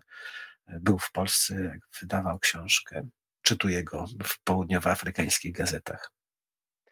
Panie Wojciechu, ja pozwolę sobie teraz na fragment, fragment, który przeniesie nas do czasów I wojny światowej, bo to jest jeden z tych autorów, który mnie zaskoczył. Do tej pory znałam go tylko z książki Chłopcy z Placu Broni. Pani też. I w zasadzie no to, to było wszystko. zaskoczeni. Tak? To mam dla Państwa fragment, bo on jakoś bardzo mocno e, we mnie cały czas pracuje i po prostu przeczytam. Dużo myślałem o tym, jak pola bitew przemieniają się z powrotem w ziemię uprawną. Teraz tutaj było mi dane widzieć tę przemianę. Dla mnie chwila, w której chłop leczy ziemię, jest najbardziej historyczną ze wszystkich historycznych chwil. Nie, nie robię z nim wywiadu, tylko patrzę na niego od strony szosy. Za pomocą łopaty spycha ziemię z nasypu ciągnącego się wzdłuż strzeleckiego rowu. Gdy już zasypie kawałek, udeptuje ziemię, potem znów wbija łopatę w nasyp. Pochylony, pocąc się, usuwa ślady wojny. Wygładza ziemię. Zaszywa długą, bolesną ranę zadaną jej przez żołnierzy, którzy stąd odeszli. Latem, czy to możliwe, będą stać tu łany. Chłop popłakuje przez całą bitwę gdzieś w piwnicy, a gdy wszystko ucieknie, wychodzi i z ojcowską troską leczy swoją ubogą ziemię. Przeistacza okopy. To wąskie, krwawe koryto męki, strachu, płonącej ekstazy staje się znów łagodnym polem ornym. A gdy je znowu zranią, on je znów przeistoczy. Jego wielka, egoistyczna miłość do brunatnej ziemi jest naturalna niczym zwierzęcy instynkt. Nie mogę oderwać od niego oczu. I to jest Ferenc Molnar. To powiedzmy kilka słów, panie Wojciechu, o tym autorze, bo tak jak mówiłam, chłopcy z Placu Broni już odeszli do przeszłości, a teksty, które wysyłał z lat 1914-1915 z Galicji siedzą i teraz e, no, zajmują pamięć w mojej głowie. No bardzo się cieszę, że pani ten fragment wybrała, mm, bo to dowodzi, że wojna nie wygrywa. E, każda wojna się kiedyś kończy i każda rana zostanie zaleczona, zabliźni się i życie toczy się, potoczy się dalej. E, żadna wojna nie, tego nie zniszczy, tego, nie stanie temu, temu na drodze. Ferenc Molnar był dla mnie no, odkryciem Podobnie jak dla pani, ja go kojarzyłem wyłącznie z chłopcami z pracy broni. Nie znosiłem tej książki, tej całej opowieści. Po prostu była dla mnie no, no nie, nie do zniesienia. I kiedy zwierzyłem się o tym, nad czym będę pracował, czy już zaczynałem pracę, jeden z moich znajomych powiedział, że koniecznie muszę przeczytać Galicję Molnara byłem zdziwiony, że, że, że, że, że w ogóle ktoś, kto napisał tych chłopców nieszczęsnych, e, po pierwsze był dziennikarzem i że pisał coś jeszcze innego niż tylko książki dla dzieci. Okazało się, i to było moje odkrycie Molnara, zresztą w ogóle e, literaturę węgierską przy okazji odkryłem, bo bo przy okazji Molnara sięgnąłem też po Moroja i, i, i przekonałem się, jak, jak, jak wielką literaturę e, bratankowie nasi mogli uprawiać. A ta historia, te jego korespondencje z I wojny światowej, w dodatku z naszych stron, bo specjalnie wybrałem te relacje, które dotyczyły przebiegu walk, e, no także na terenie Polski, czy dawnej Polski, dawnych ziemi polskich, które dzisiaj należą e, do Ukrainy. No jest to piękna literatura i, i okazał się człowiekiem niezwykle spostrzegawczym. Jego historia, jego życiorys był tak samo no to odkryłem podczas pracy nad tą książką, że, że w zasadzie, jeżeli się człowiek, że nie ma ludzi banalnych i nie ma historii banalnych. To jest banalne, co mówię, ale, ale, ale każde, każde życiowe losy tych korespondentów, e, których wybrałem, autorów tych, tych, tych, tych, tych, tych, tych korespondencji, czy tych fragmentów tekstów, które wybrałem, w zasadzie każda z nich zasługuje na oddzielną książkę. Te, te losy są aż przerysowane, aż czasami myślę, że jakby ktoś poszedł do, do wydawcy czy do, do redaktora swojego w gazecie i zaproponował mu taki tekst, że napisze mu o życiorysie takiego Jacka Londona, Ernesta Hemingwaya, Molnara, czy Frederica Forsytha, Marty Gellhorn, czy Claire Hollingworth, Mary Colvin, to poważny wydawca i poważny redaktor by powiedział, że chłopie czy kobieto, mocno przesadziłaś, mocno przesadziłeś, nie koloryzuj. A to są ich prawdziwe losy. To są, to są tak dramatyczne historie i bardzo często pouczające. Więc Ferenc Molnar był dla mnie najprzyjemniejszym, albo jednym z tych najprzyjemniejszych odkryć podczas pracy nad, nad tym wyborem tekstów. Dla mnie też takim tekstem, który sobie dzisiaj jeszcze zaznaczyłam, y, to jest tekst, który przenosi nas do Rumunii. E, tekst, za który odpowiada Ed Wuliami. Mm, w Rumunii rewolucja była niemożliwa, dlatego trzeba ją było zaaranżować. Guardian rok 2009. I mamy tam relację Dorina Mariana Karlana, który był członkiem trzyosobowego plutonu egzekucyjnego, który w Boże Narodzenie 89 roku rozstrzelał dyktatora komunistycznego Nikola Czałczesku i jego żonę e, Elenę. I przyznaję, że to jest tekst napisany na chłodno, krótkimi zdaniami, ale to, co się dzieje w głowie, e, tam nie ma za dużo czasowników, e, przepraszam, przymiotników, są opisy czynności, co się działo, ale on no, roz, rozkłada na łopatki. Powiedzmy trochę o tym dziennikarzu, a ja potem Państwu przytoczę fragment, żeby pokazać, w jaki sposób ten tekst jest napisany. No Ed Woliami jest jednym z najwybitniejszych e, współczesnych dziennikarzy, reporterów. E, aż szkoda, że pisuje tak rzadko. E, pracuje dla Obserwera i Guardiana. Jest, zapisał się może najbardziej jako korespondent i reporter z wojen bałkańskich.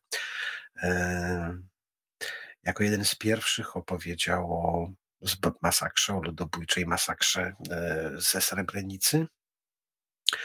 Zeznawał e, przed Trybunałem sądzącym zbrodnie e, popełnione podczas wojen bałkańskich, bodajże przeciwko Radowanowi Karadziczowi. Już nawet nie pamiętam, bo w każdym razie autorem jest też wielu książek wspaniałych, nagrodzonych. Jest laureatem Nagrody Ryszarda Kapuścińskiego. E, wciąż pisze.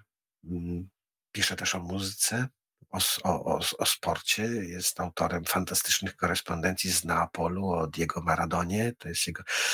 Znam Eda Woliamiego i, i, bardzo go lubię i dzielę tę jego fascynację nie tylko dziennikarstwem, ale także piłką nożną i muzyką. E, mieszkał jakiś czas w Glastonbury, zapraszał na festiwal. E, cieszyłem się, ale jakoś nigdy się nie złożyło i nigdy się do niego nie wybrałem, a, a teraz słyszę, że, że, że chyba porzucił Glastonbury i przeniósł się, przeniósł się do Londynu. E, Eda, no, wie pani, wiecie Państwo, starałem się przy tym swoim wyborze, żeby teksty, które znajdą się między tymi twardymi okładkami, e, były znakomitą literaturą. I, i żeby pokazywały tą, tę, tą wojnę, to zjawisko wojny możliwie wielostronnie i historię wielostronnie. Myślę, że Ed Wuliami, gdyby był w Rumunii, w Bukareszcie wtedy, kiedy ta rewolucja by się działa, pewnie by napisał inną korespondencję, ale e, znalazłem teksty po, napisane po latach. Ta rozmowa z Katem czy z członkiem plutonu egzekucyjnego to nie odbyła się w momencie, kiedy Czałczesku został rozstrzelany tylko po jakimś czasie. W podobny sposób, z tego samego powodu, wybrałem korespondencję Anne Applebaum, z Berlina, z obalania muru berlińskiego. To jest bardzo ciekawe, bo pokazuje, że trzeba zawsze mieć z tyłu głowy, że dostajemy tylko fragment e, historii. Ona w fantastyczny sposób o tym e, pisze. Tak, że mamy i to kadr, jest najciekawsze, tak, to jest ramę. ten kadr, to jest to, to, jest to, to, to, to zerknięcie przez dziurkę od klucza, a może nawet nie, że zerknięcie, bo dziennikarz i Ed Wuliami w Bukareszcie wtedy, kiedy ta rewolucja by się działa i Anne Applebaum w Berlinie jesienią 89 roku. I każdy z nas, dziennikarzy, e, widział dużo więcej niż później miało szansę znaleźć się w korespondencji, bo korespondencję pisaliśmy danego dnia. Ed pisałby korespondencję z Bukaresztu wtedy, kiedy ta rewolucja zwyciężała.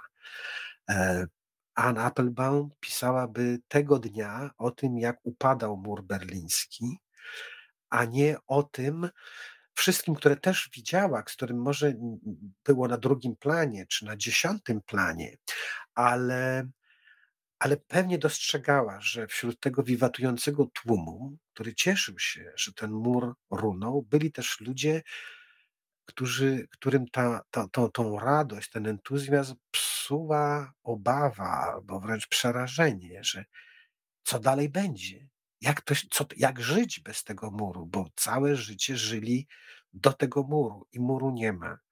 Um, I to jest bardzo często, to jest ten moment, kiedy właśnie wojna się kończy albo się wojna zaczyna.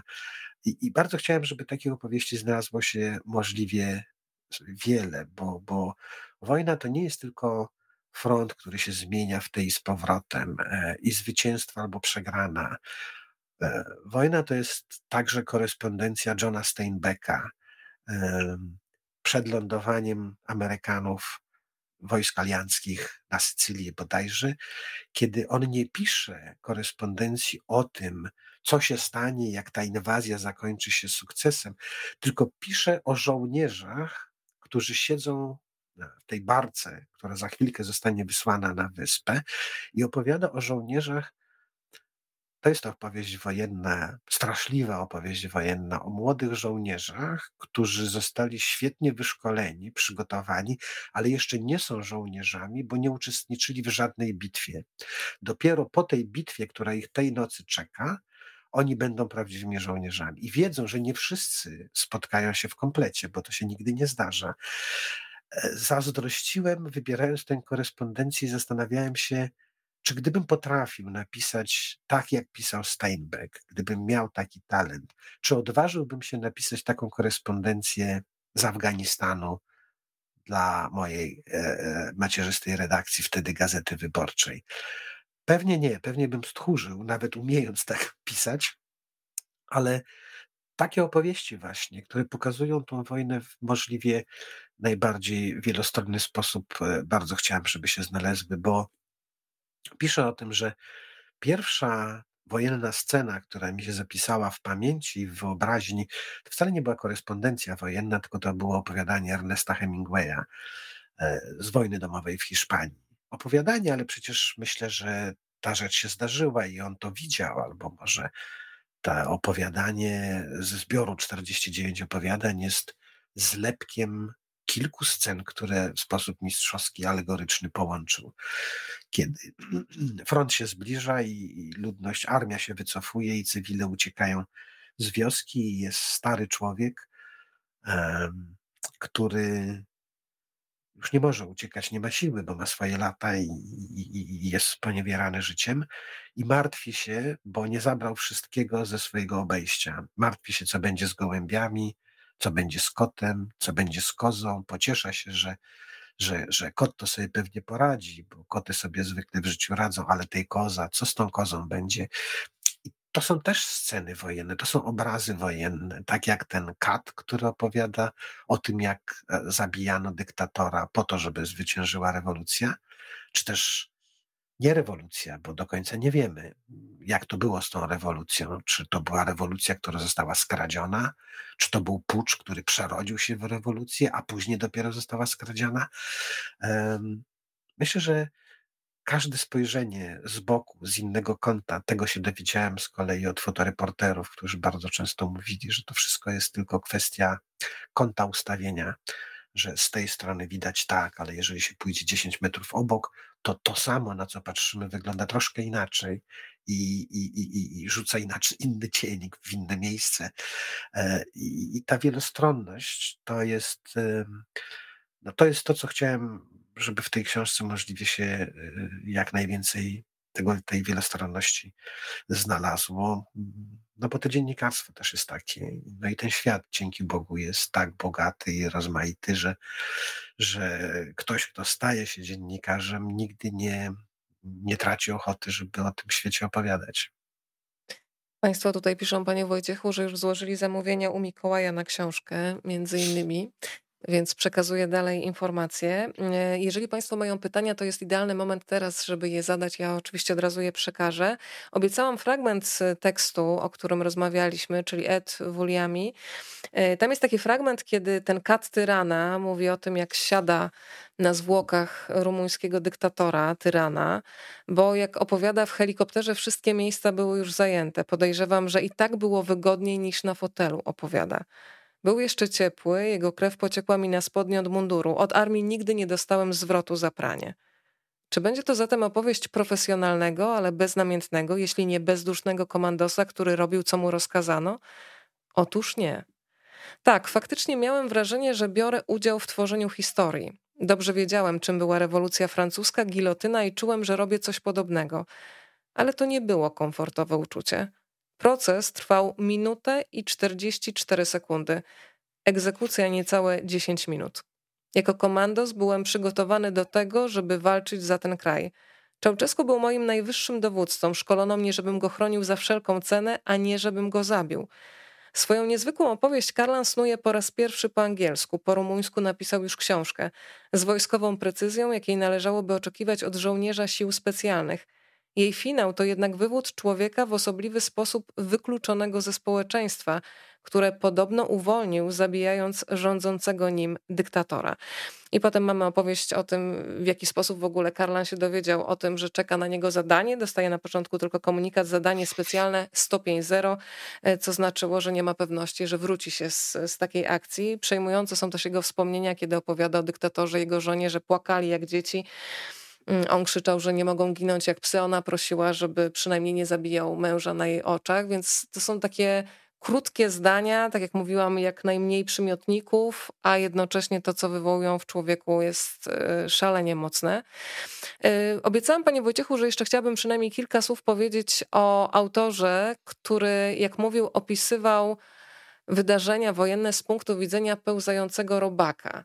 E, I pamiętam też e, z tego reportażu pana wstęp mówiący o tym, że Ernie Pyle, bo o nim mowa, pisał o innych, a nie jak część korespondentów wojennych fokusował uwagę na sobie, bo byli też i tacy, którzy opowiadali wszystko przez siebie i tak naprawdę czasami to oni byli w centrum zdarzeń, a nie e, ofiary danej sytuacji. Więc e, kim był Ernie Pyle? Bo taki człowiek, zostało mi też w głowie takie zdanie, że nawet załatwiał podwyżki dla żołnierzy, więc wyjaśnijmy, bo na razie to brzmi enigmatycznie.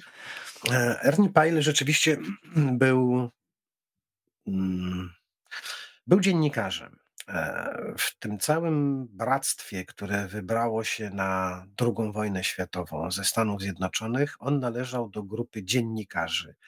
My mówimy, czy pamiętamy o tych wielkich nazwiskach, ale to byli młodzi wciąż e, pisarze, już uznani pisarze, tacy jak John Steinbeck czy Ernest Hemingway, którzy zostali mm, zakontraktowani przez wielkie pisma to nie były codzienne gazety zresztą, i wysłani, mm, wysłani do Europy na wojnę.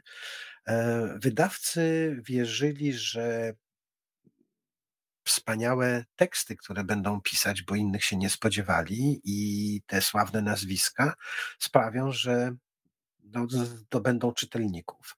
Ernie Pyle nie był pisarzem, był, był dziennikarzem, depeszowcem. Pracował dla gazet codziennych, dla korporacji prasowej.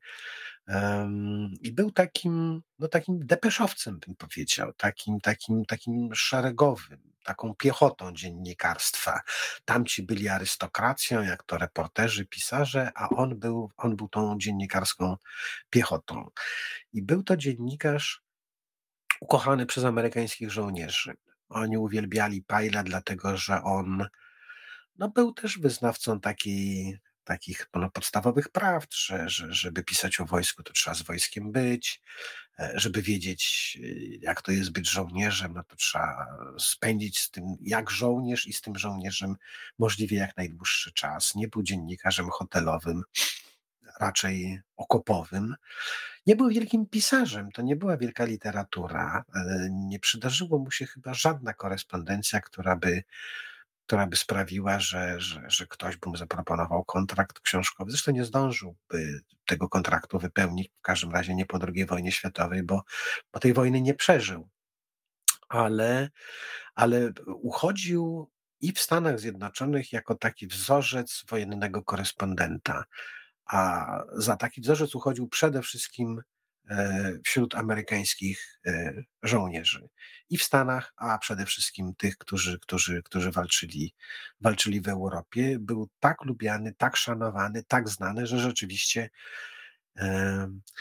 oni wierzyli, że jeżeli poskarżą się Pajlowi, że no nie to, że dowódca oszukuje i nie wypłaca im żołdu, ale że, że zaopatrzenie przychodzi zbyt późno albo jest nie takie, że czegoś im brakuje, to on to napisze, był autorem tak poczytnym, że z całą pewnością przeczytają ludzie w dowództwie i bojąc się, żeby z tego powodu nie wybuchł jakiś skandal i żeby nie zostali skarceni z kolei przez ich przełożonych, to za, za, za będą interweniować i, i, i, i no nie, położą kres temu, temu, temu nieporządkowi.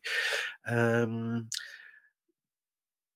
tak często jest, że tacy ludzie jak Ernie Pyle, tacy dziennikarze mm, są zapominani, bo piszą, pamięta się o nich tylko wtedy, kiedy kupuje się te codzienne gazety. Potem wojna się kończy, ludzie, czytelnicy zajmują się czymś innym i, i ten dziennikarz przepada, zostaje pamięć o tych najsławniejszych, wielkich pisarzach, którzy, którym zdarzyło się też, którym przytrafił się dziennikarski epizod w życiu. To akurat w przypadku tych amerykańskich pisarzy, wielkich, największych, to nie był epizod, to był etap rozwoju pisarskiego, bo w zasadzie każdy z nich jako dziennikarz pracował i to pracował dłuższy czas, nie miesiąc, nie dwa i nie była to tylko wyprawa wojenna, bo e, państwo, jeżeli ktoś tą książkę rzeczywiście e, kupi i zacznie szukać korespondencji Ernesta Hemingwaya, to oczywiście warto po, poczytać, w jaki sposób on pisał, jak wygrywał w zasadzie Hemingway e, drugą wojnę i lądowanie w Normandii, albo jak bez niego by sobie te wojska w ogóle nie poradziły. Ale bardzo bym zachęcał, żeby sięgnąć jeszcze do jego relacji wcześniejszych e, z wojen turecko-greckich, z początków narodzin faszyzmu i we Włoszech, i, i, i, w Niemczech, kiedy Hemingway jeszcze nie był wielkim Hemingwayem, kiedy był na początku drogi, i to są świetne rzeczy. To są wspaniałe e, miniatury literackie, które są jednocześnie korespondencjami, jeszcze lepszymi niż ta Johna Steinbecka z lądowania e, na Sycylii. Teraz sobie pomyślałam, Panie Wojciechu, że te teksty ze sobą rozmawiają, bo przy okazji Erniego Pajla też mi się przypomniało to, że bardzo często rząd dbał o to, żeby w prasie pojawiało się konkretne imię i nazwisko tak. żołnierza i często był to jedyny ślad już po nim, kiedy ginął. E, natomiast Marta e, Gellhorn, e, był taki fragment, który sobie zaznaczyłam, Zapewne każda załoga czołgu i każdy pluton piechoty, jeśli mielibyśmy oddać należny im honor, zasługuje co najmniej na napisanie książki. A sama nie mogę się nadziwić każdemu z tych anonimowych i skromnych ludzi, którzy parają się tym morderczym, wyczerpującym zajęciem, jakim jest wojna. Jakby nie było to nic takiego, jakby nie oczekiwali za to żadnych podziękowań. Niniejszy akapit jest zatem tylko mizernym i pobieżnym wyrazem uznania dla wszystkich tych, których się nie wymienia, lecz nie dlatego, że są mniej ważni, lecz dlatego, że jest ich zbyt wielu. I teraz sobie pomyślałam, że to, o co dbał Pyle, tutaj też dba Marta y, Gellhorn w taki anonimowy sposób, ale jednak oddając cześć tym wszystkim ludziom, których nie sposób wymienić, bo niestety, i to jest ta tragedia wojny, tych, którzy zginęli na wielu frontach, jest po prostu y, zbyt dużo. Pojawiają się pytania, więc ja od razu do nich przejdę mm, już mówię, pani Agnieszka, którego współczesnego korespondenta wojennego ceni pan najbardziej? Ja w ogóle nie lubię określenia korespondent wojenny. Mm, na pewno, na pewno nie potrafiłbym wymienić, nie to, że nie potrafiłbym wymienić nazwiska, ale nie chciałbym e, dokonywać, sporządzać jakichkolwiek e, rankingów. Czytam i gazety polskie, i gazety zagraniczne. Jest wielu świetnych autorów. No dobrze, jeden, który mi E, ja go nawet mam e, wymienionego w tej antologii, to jest wciąż e, młody, bo 40-paroletni, 50-letni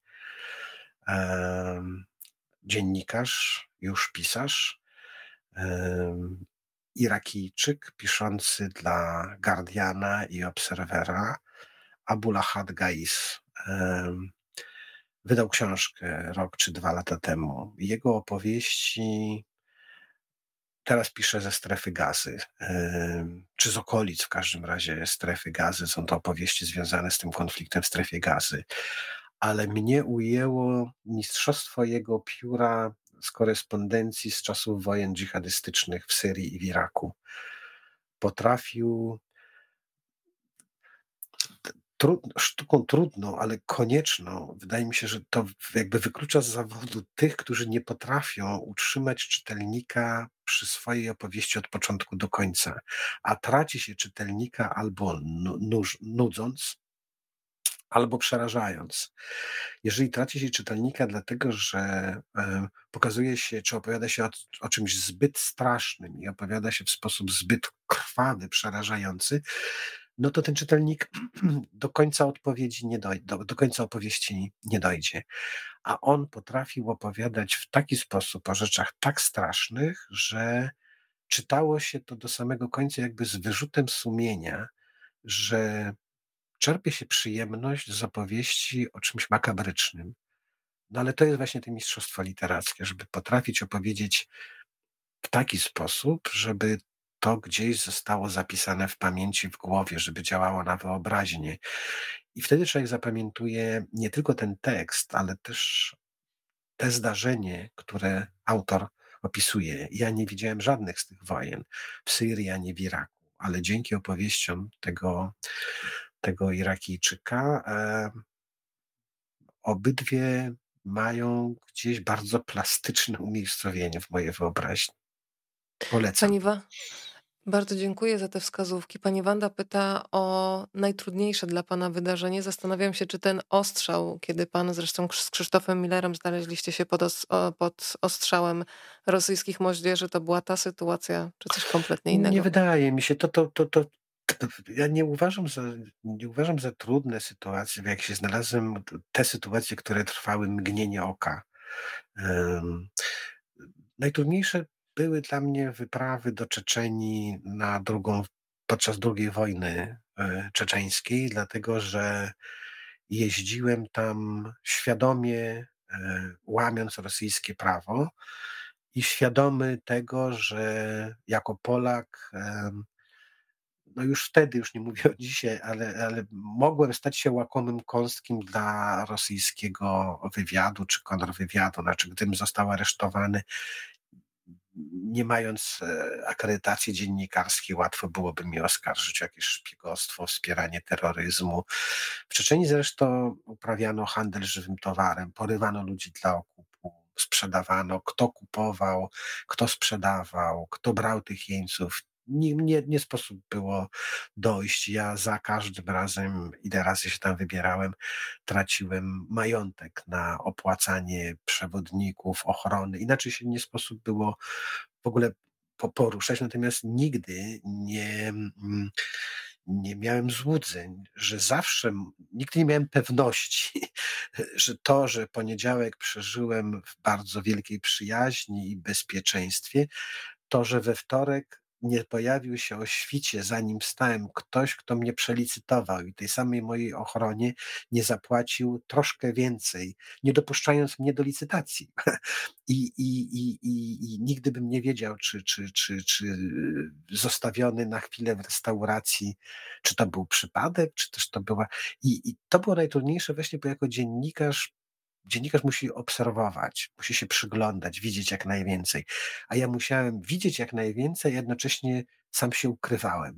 I, i, i to było najtrudniejsze w tej roli. No i, i, i oczywiście takie, takie poczucie stałego zagrożenia, bo, bo, bo w momencie, kiedy jest się tam gdzieś pod jakimiś tymi legendarnymi kulami, to, to, to, to trwa mgnienie oka i, i przychodzi, raczej się pamięta ulgę, która przychodzi po tym, że padły strzały, a człowiek wciąż stoi i się nie przewraca.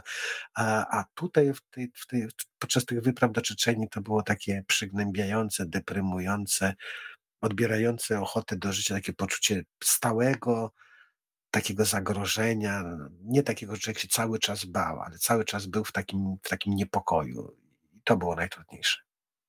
Ostatnie dwa pytania od Państwa, bo obiecałam Panu Wojtkowi półtorej godziny, a już mamy godzinę 34, więc przyspieszam tempo.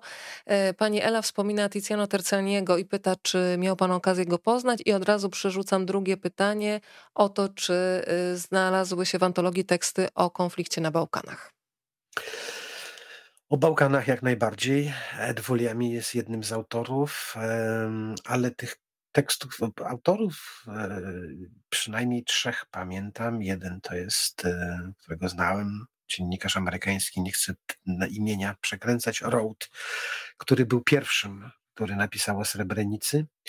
I Kurt Schork, krótka depesza o Romeo i Julii z Sarajewa. Niezwykle przejmująca historia i depesza, która e, może nie jest to literacka perełka, ale która dzięki bohaterom opowieści, dzięki temu wszystkiemu, co towarzyszyło, co jest związane i z bohaterami, i z autorem tej opowieści, no wyniosła tą depeszę Reutersa e, no, na takie e, literatury wyżyny. Tarsaniego niestety nie miałem przyjemności, zaszczytu poznać, jak zresztą zbyt wielu ludzi, e, których mogłem poznać, żałuję, że nie spotkałem.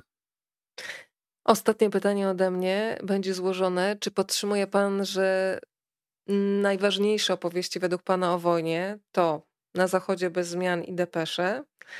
E, I to, to najpierw tu zostaje pole, i to drugie będzie takim członem, który już zamknie, obiecuję. Może nie najważniejsze. To są e, najważ...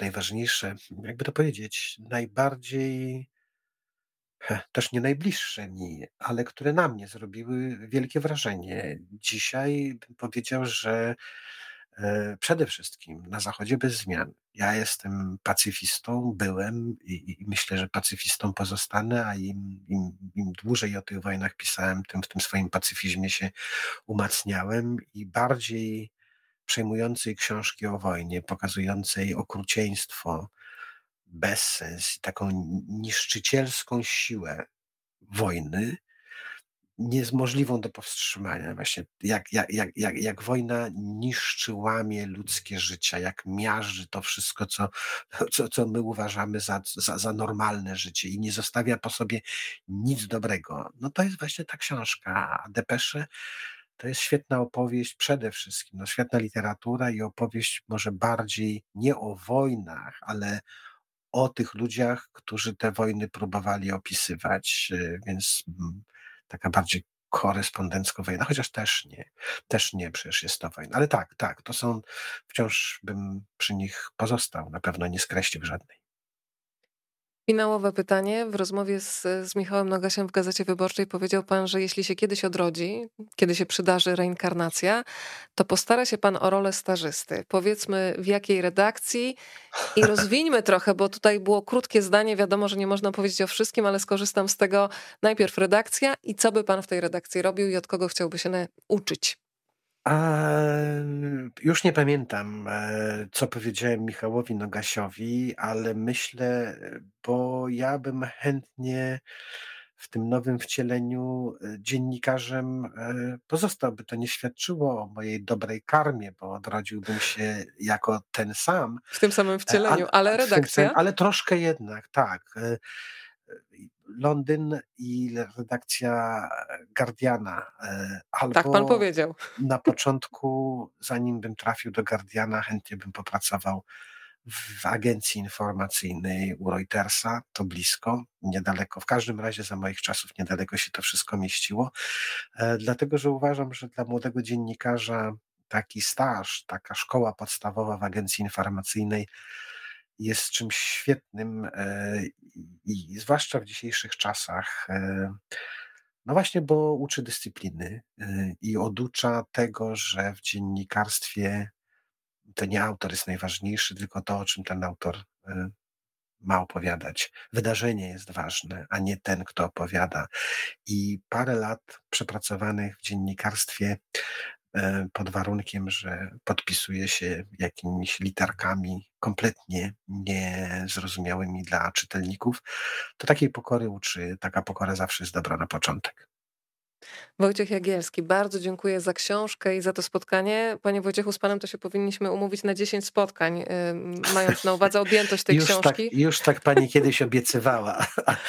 Ale jeżeli pan powie tak, to ja dotrzymam obietnic. Ja się zawsze boję, że się narzucam to jeżeli jest zgoda, to możemy już teraz to przybić piątkę tutaj cykl, publicznie. Cykl, cykl, cykl możemy. Cykl. Wojciech Jagielski w Rozmawiam opowiada. Tak. tak jest, tak jest. Wspaniale. Tak Bardzo dziękuję y, za to spotkanie i też się zaczęłam aż sama zastanawiać, kim bym chciała być, jeżeli ta reinkarnacja by mi się przydarzyła. Państwo też sobie mogą odpowiedzieć y, przed snem na to pytanie. Dziękuję za spotkanie. Mm, teraz już zostawiam Państwu do osobistej lektury książkę Wojna, antologia reportażu wojennego. Proszę pisać y, po lekturze, jacy autorzy byli tymi nowymi, których Państwo odkryli dzięki temu zbiorowi. Rozmawiam, bo lubię małpa gmail.com, zawsze tam czekam na Państwa komentarze i zapraszam też jutro. Widzimy się jutro o 20.30 z Kasią Jasiołek, porozmawiamy o jej książce Tkanina, Sztuka i Rzemiosło. Godzina 20.30 to jest nasza stała pora. Panie Wojciechu, to spokojnych snów i myślimy nad tym cyklem. Nazwę tak najpierw jest. musimy znaleźć. Czekamy na Państwa propozycje. Pod jaką nazwą możemy się w takim duecie spotykać? Dziękuję Bardzo pięknie. dziękuję za zaproszenie, za rozmowę. Wszystkiego dobrego. Wszystkiego dobrego.